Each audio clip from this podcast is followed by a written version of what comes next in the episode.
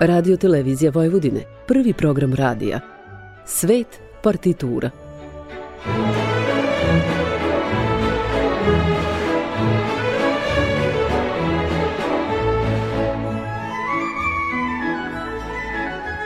Urednik i voditelj Bogdan Đorđević.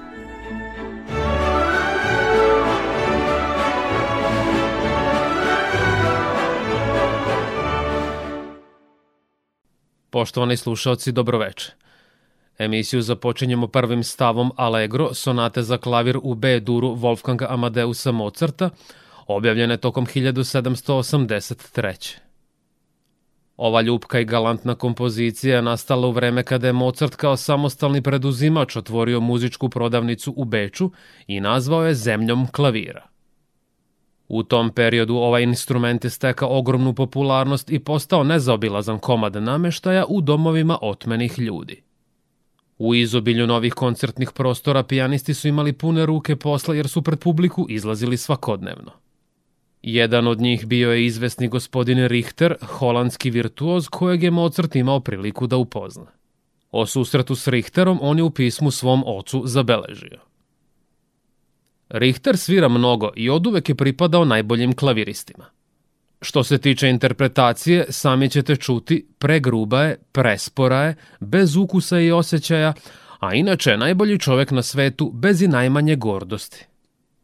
Kada sam mu svirao, nepomično je gledao u moje prste i uvek bi rekao, moj Bože, koliko se samo ja preznojim od napora, pa ipak ne dobijem priznanje, a vi, moj prijatelju, poigravate se s tim.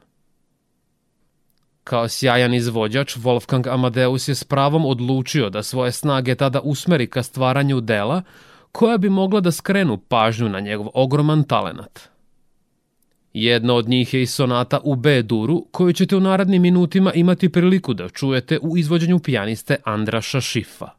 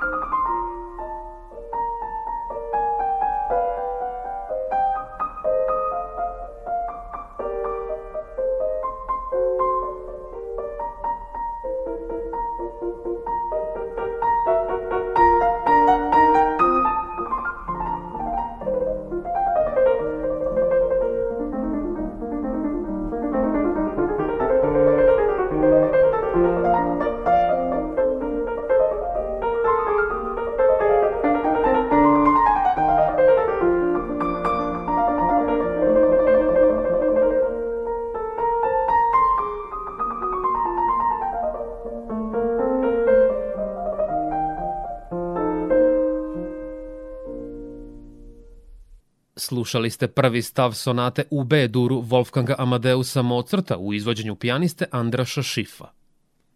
Uoči nastanka ove kompozicije, Mozart je o svom glavnom konkurentu i čuvenom italijanskom kolegi Muciju Clementiju izjavio.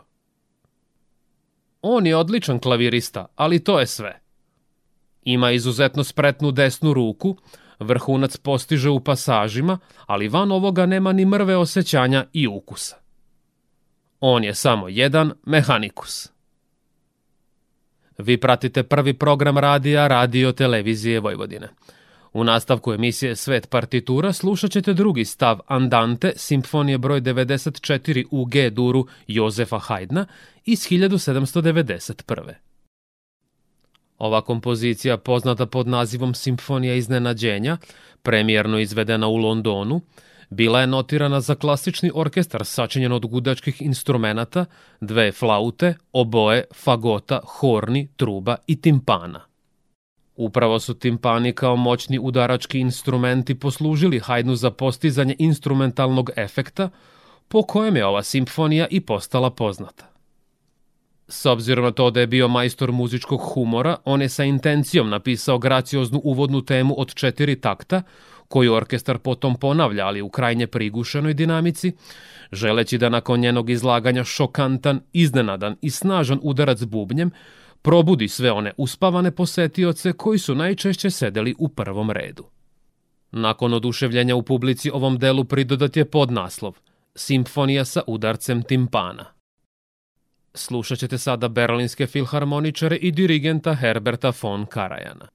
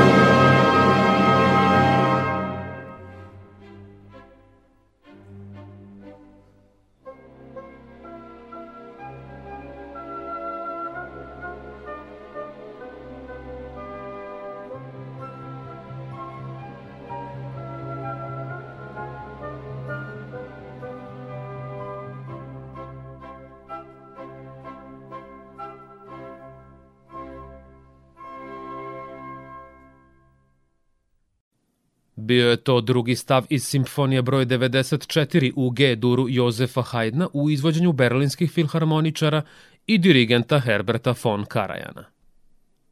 Poznat kao neobično pedantan čovek, Haydn se pre svakog komponovanja najpre osvrtao po sobi i proveravao da li je svaki predmet na svom mestu. Onda bi obukao svoje svečano odelo, stavio periku, šešir i prsten. Bez ovakvih priprema smatrao je da mu misli ne mogu biti sređene za pisanje nove muzike. A nakon Hajdna u emisiji Svet partitura na talasima prvog programa radija, radio televizije Vojvodine, slušat ćete treći stav Rondo, koncerta za klarinet i orkestar opus 73 u F-molu Karla Marije von Webera iz 1811. Ovaj drveni duvački instrument vodi poreklo još iz antičke Grčke, kada je bio poznat pod nazivom aulos.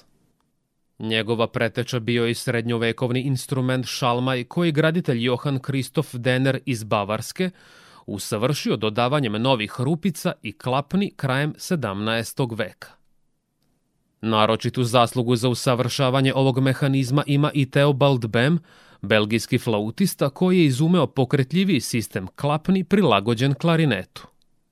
Na osetljivom delu ovog instrumenta nalazi se usnik kljunastog oblika na koji preko ulaznog otvora cevi naleže trščani jezičak.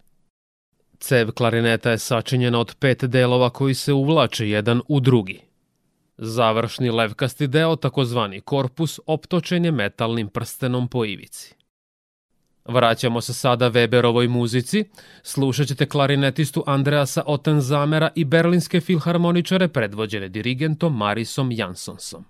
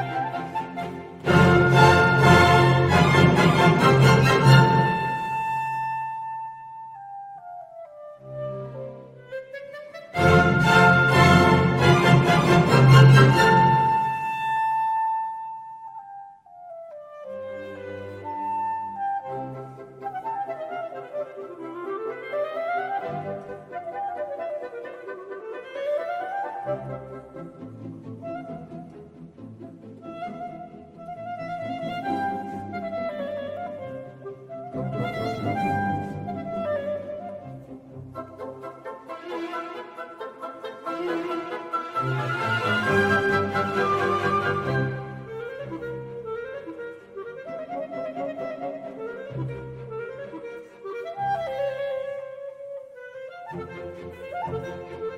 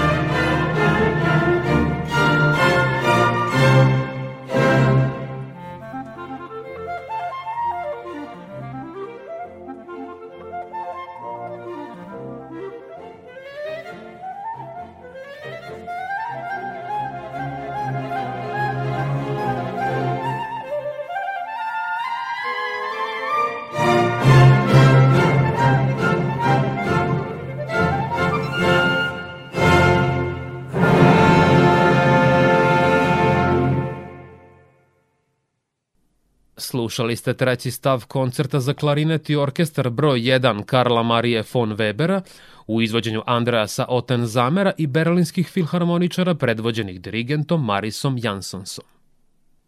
Za razliku od flaute, klarinet se i dalje gradi od drveta crnog abonosa. Ton se dobija uduvavanjem vazduha preko trščanog jezička, pričvršćenog za usnik metalnim obručem sa zavrtnjima. U novije vreme usnik se pravi od ebonita i uvrće se u početni deo cevi u takozvano burence. Ovo su talasi prvog programa Radio Novog Sada na frekvenciji 87,7 MHz. U nastavku emisije Svet partitura slušat ćete valcer Život umetnika Johana Strausa Mlađeg, objavljen 1867.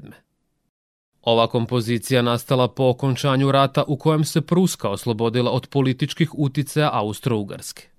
Ostvarivši nadmoć u Evropi i preuzimajući vodeću ulogu u Severno-Nemačkoj konfederaciji, ona je otvorila put ka stvaranju budućeg Nemačkog carstva iz 1871. Nakon pretrpljenog poraza austrijske vojske u velikoj bici kod Sadove, mnoge svečanosti i balovi u Beču bili su otkazani jer je depresivno raspoloženje obuzelo većinu stanovnika ove prestonice.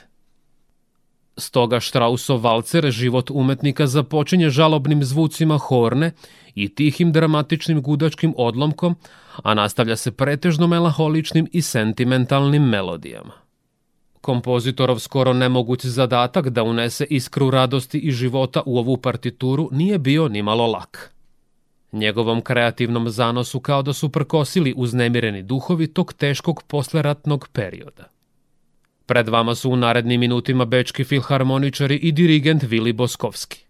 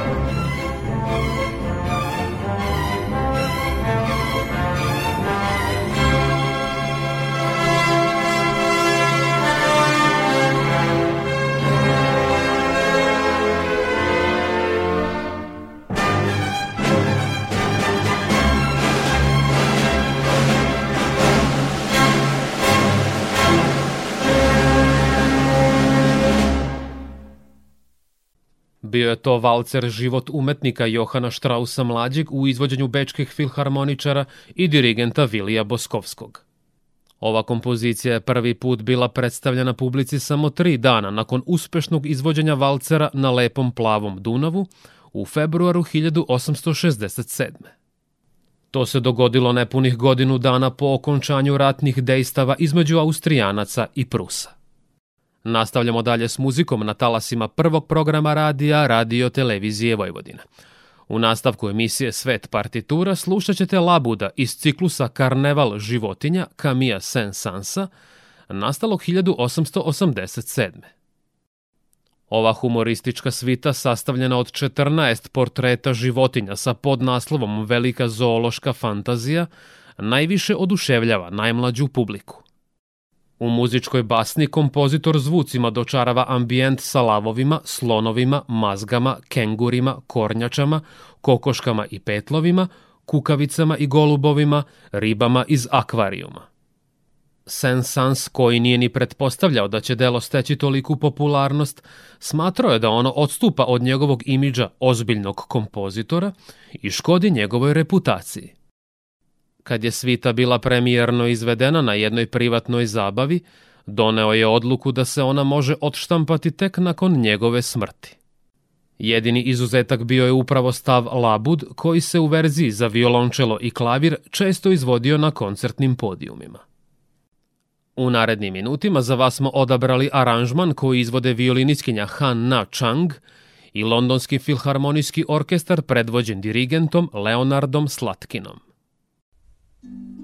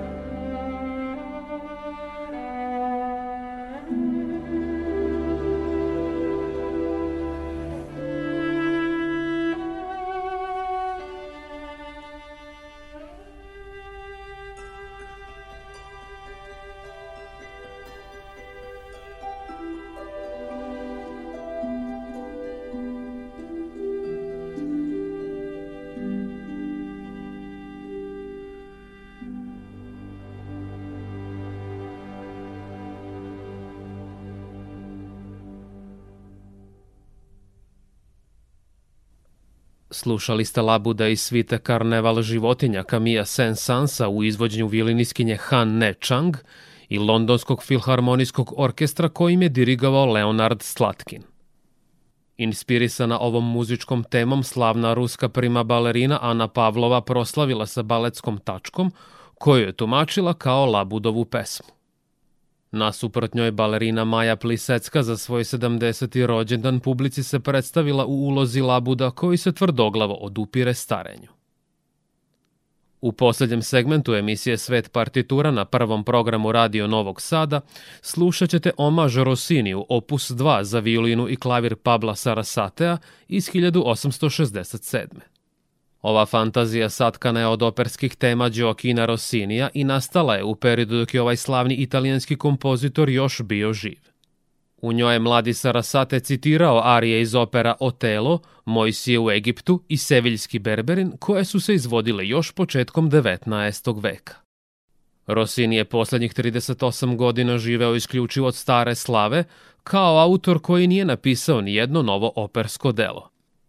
Richard Wagner je za njega govorio da je jedna islužena metresa koja se valja u luksuzu, na što mu ovaj nije ostao dužan kada mu je uzvratio. U Wagnerovim delima ima nekoliko divnih trenutaka, ali još više jezivih četvrt sata. Ni čuveni operski kompozitor Giacomo Meyerbeer nije pretarano simpatisao Rossinija, koji mu je jednom prilikom napakostio. Naime, Rossini je izvesnom parijskom verglašu platio da u nedogled izvodi Ariju Figara pod Majerberovim prozorom. Poštovani slušaoci, polako se približavamo završetku večerašnje emisije.